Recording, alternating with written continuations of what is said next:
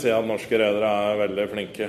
Det, det er jo mange redere som nesten har et personlig forhold til mange av båtene sine, så jeg vil si at norske båter er nok i en særstilling der i forhold til mange andre fartøy som ligger i opplag rundt omkring i verden. Da. Joakim Strandås jobber på ettermarked i Kongsberg Maritime. Det er ikke mange norskkontrollerte offshorebåter du ikke finner utstyret deres på. Nå ligger som kjent om lag ett av fire av disse skipene i opplag. Hvordan påvirker det utstyret deres? I denne episoden av Sysla Shipping sin miniserie om opplag forteller Strandås om erfaringen deres så langt. Han forteller også om hva slags utfordringer som venter rederne når disse fartøyene forhåpentligvis skal ut av opplagsbøya igjen. Men først hva slags utstyr fra Kongsberg Maritime kan du forvente å finne på en typisk offshorebåt? På en vanlig offshorebåt da leverer jo vi kontrollsystemer gjerne. altså Enten automasjon eller um, DP, typisk. Forklar kjapt hva, hva disse tingene er. Automasjon det er det som styrer uh, alt av funksjoner på båten. Altså start, stopp av motorer, ventilasjon, strøm osv. DP er jo dynamisk posisjonering som holder båten i ro. Uh, trøstekontroll det er jo ofte styring av propulsion. Uh, også I tillegg så leverer vi en del sensorer og referansesystemer og sånne ting i forbindelse med disse anleggene. Er på en måte opplagsproblematikk noe som har vært sterkt i fokus hos dere i f.eks. 2007-2010? Eh, ikke i like stor grad som nå. Altså, vi merker det bedre nå enn da. Når en reder eh, med deres utstyr om bord ønsker å legge opp båten, hva, hvordan kontakt har dere med vedkommende da? Nei, Vi har jo i varierende grad kontakt med de ulike rederne. Altså noen de gjør jo alt på egen hånd, mens andre får jo assistanse. Vi har jo bl.a. laga et uh, reserveringsopplegg hvor vi tilbyr å enten assistere eller veilede rederne i preservering av utstyr før de legger båter i opplag. Da. Ja, nettopp. Og det gjelder kun det utstyret dere har levert?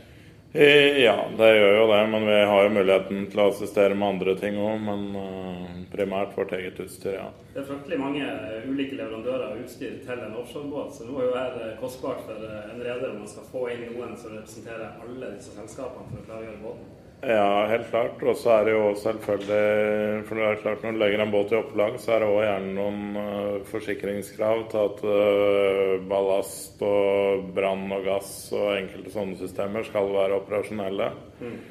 Uh, så du har jo forskjellige varianter av opplag òg. Altså, du har jo helt fra cold stack hvor du skrur av alt og båten er kald.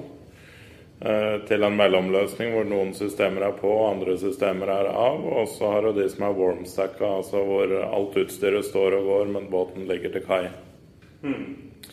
Så dette gir jo ulike utfordringer i forhold til preservering og sånne ting, da.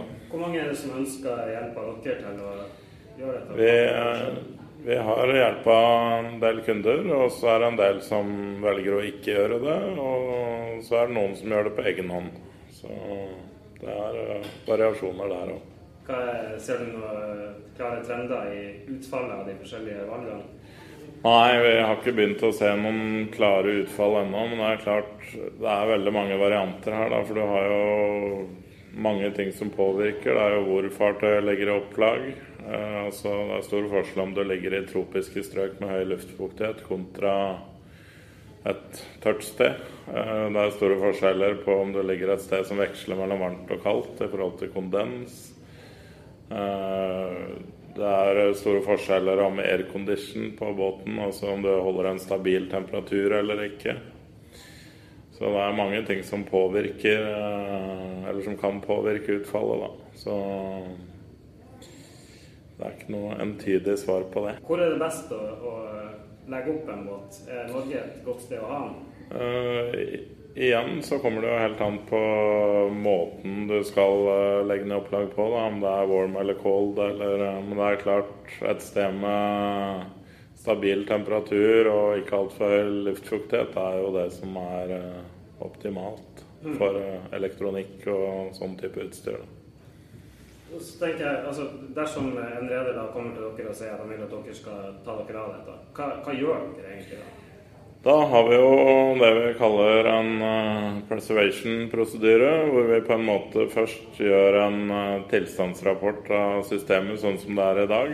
Uh, for da kartlegger vi jo utstyret sin helsetilstand i dag.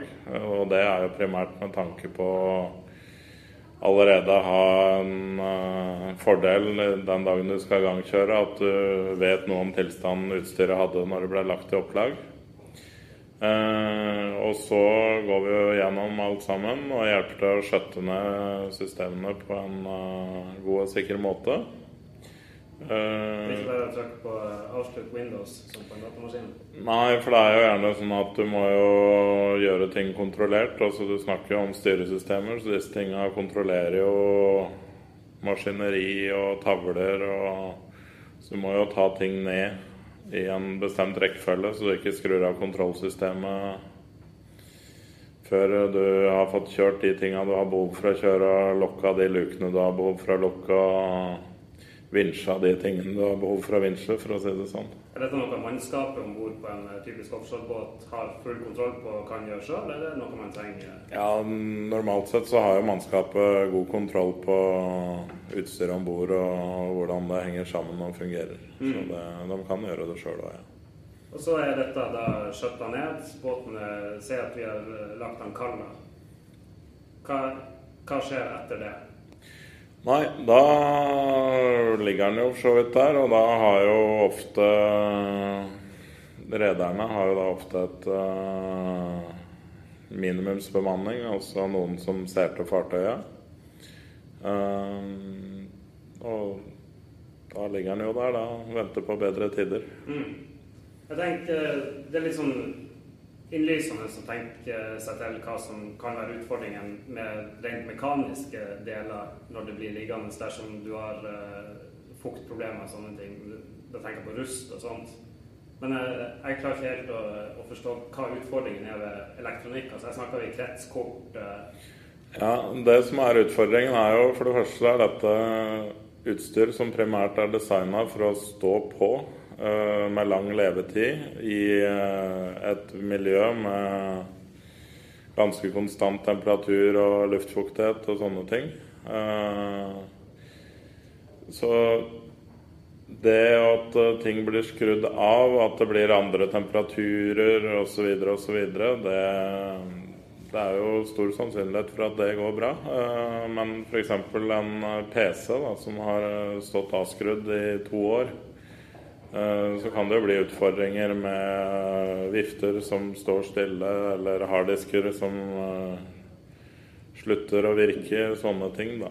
Uh, og en annen utfordring er jo selvfølgelig, som du sier, da, med ting som er mekaniske. Altså hvis vedlikehold og slike ting ikke blir gjort i henhold til eh, instruksjoner, da, så kan jo det å ha påvirkning på levetid og sånne ting da, på komponentene.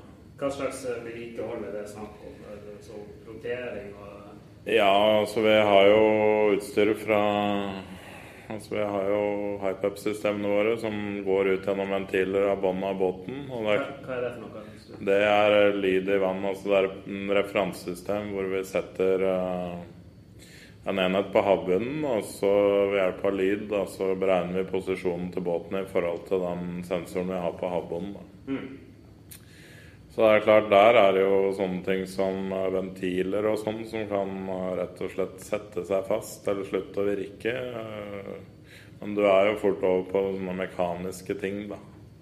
Ja, for de, de tingene her, de komponentene som er om bord, sånn som jeg forstår det, så er de, de er i utgangspunktet ikke laga for å slås av. Altså, disse båtene er ikke laga for å ligge i opplag. Nei. Og den største utfordringa vi ser, er jo selvfølgelig hvis du får kondensproblemer og sånne ting. Altså at du får vann uh, inn på elektronikken. Uh, eller uh, forurensning. Altså hvis det ikke er beskytta eller pakka inn, så det på en måte blir tilsmussa og sånne ting. For det er jo klart uh, du har en del forurensning og sånn mange steder i verden som på en måte og kan være med på å forringe kvaliteten på elektronikken da, over tid. Nå har det gått uh, en del båter i opplag de siste par årene. Har du sett noen eksempler på de tingene du nevner nå? Nei, vi har ikke sett noen konkrete eksempler ennå på det. Vi har uh, ikke hatt så mye igangkjøring ennå av båter som har ligget i sånne typiske klimaer hvor de tinga kan være et problem. Um, men det, man vet jo ikke i framtiden hva vi vil møte. Nei, akkurat nå så ligger det om lag 140 norskkontrollerte offshoreskip i opplag. Hvor mange reaktiveringer har dere vært med på? Ja, Noe eksakt nummer det har jeg ikke, men vi har, eh, vi har et jevnt sig av båter som blir tatt inn og ut av opplag. Det blir gjerne rotert litt. Noen går eh, ut av operasjon, andre går inn. Eh, har dere reaktivert noen som har ligget veldig lenge? Som har ligget et år på landet? Nei, det har vi ikke gjort, så vidt meg bekjent ennå. Og de båtene vi så langt har reaktivert, det har vært båter som stort sett har ligget i warmstacka, altså hvor alt har stått på, da. Så her ligger en potensiell eh, overraskelse og venter når de som har ligget kaldt, eh, skal på igjen?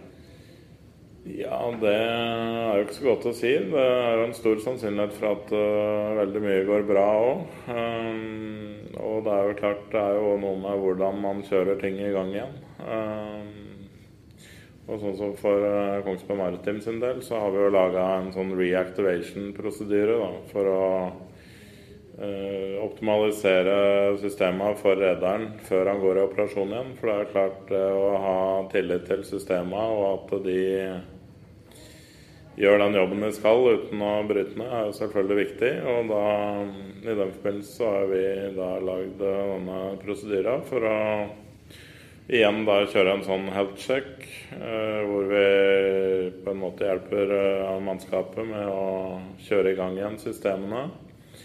Eh, oppgradere, altså software og sånne ting til siste versjoner. For det skjer jo gjerne litt på den fronten i løpet av et par år. Eh, det går jo gjerne på å bytte PC-er og sånne ting, eh, som er viktige for en operatør. Og så er det jo dette med å hjelpe mannskapet med å ta igjen etterslep og vedlikehold og sånne ting da, ved behov. Sånn at uh, rederen kan være trygg på da når han går i operasjon at uh, båten vil prestere optimalt da, uten nedetid. For det er jo det som er målet. Den prosedyren dere du snakker om nå, er det noe dere har utarbeida nå siste, siste tida? Ja, den eh, lagde vi for så vidt når vi begynte å se at eh, båter begynte å gå i opplag. Og vi begynte med eh, dette initiativet rundt preservering og hjelpe redere med å legge båter i opplag. Da tenkte vi jo samtidig, eller parallelt, da, på at dette skal i gang en dag igjen. Og derfor så ble jo disse prosedyrene til i parallell, da. Hvor, uh, hvor, kostbart er det å ta en, en båt ut?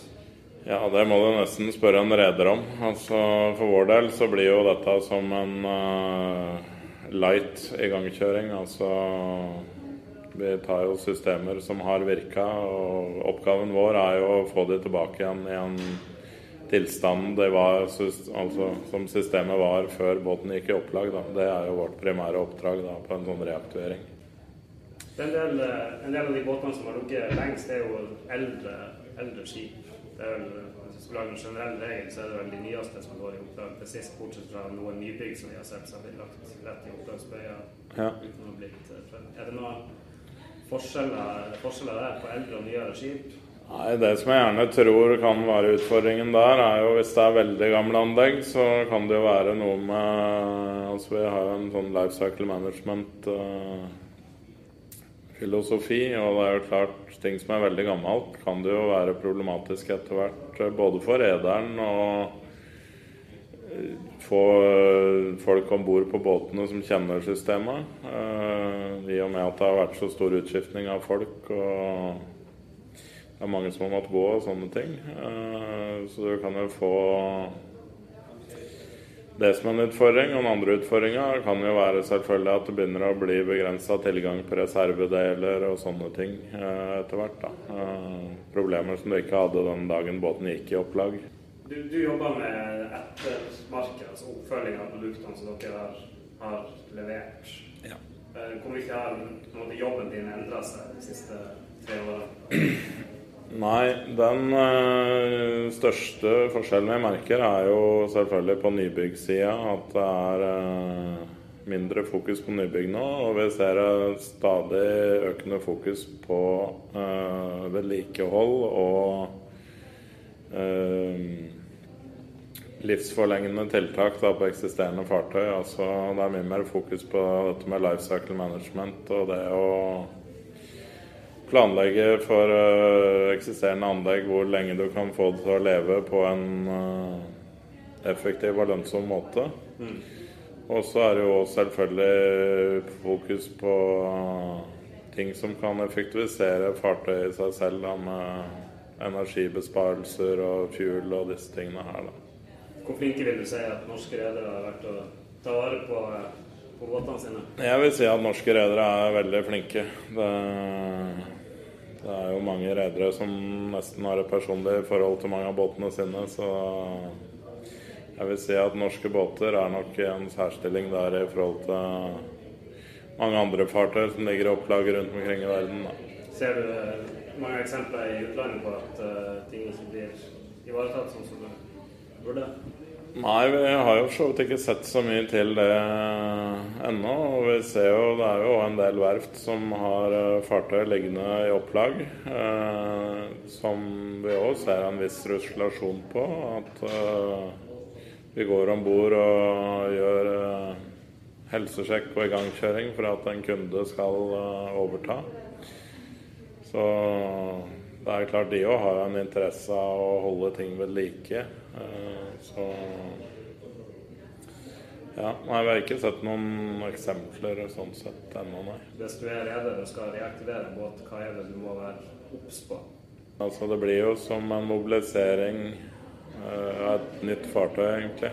Uh, det er de samme tinga du må igjennom, og det blir nok en litt ekstra jobb i forhold til å gå gjennom alle systemer og teste, sånn at man føler at uh, man har kontroll, da. Uh, også, men i de fleste tilfeller så må jo disse fartøyene gjennom en ny klassing uh, uansett. Så det vil jo bli tatt normalt sett en gjennomgang av systemene uansett. Og så er det jo dette med kompetanse da, som vi ser på som en uh, annen ting som det kan bli litt uh, utfordringer på, i og med at uh, det har forsvunnet mange kloke hoder ut den siste perioden. Og det er klart det kan nok være behov for noe kompetanseheving. Med mindre man får tak i de samme hodene igjen, da, for å si det sånn. Og det handler rett og slett om at den som har jobba på en båt, kjenner den båten og systemene som Ja. Det blir jo litt sånn. Og det er ikke bare bare å erstatte? Det Hva skal man si? Altså, det er jo En ting er å ha systemforståelse, en annen ting er å ha lokalkunnskap. Altså Det er jo viktig for uh, rederne har gode folk om bord for å holde båten i gang.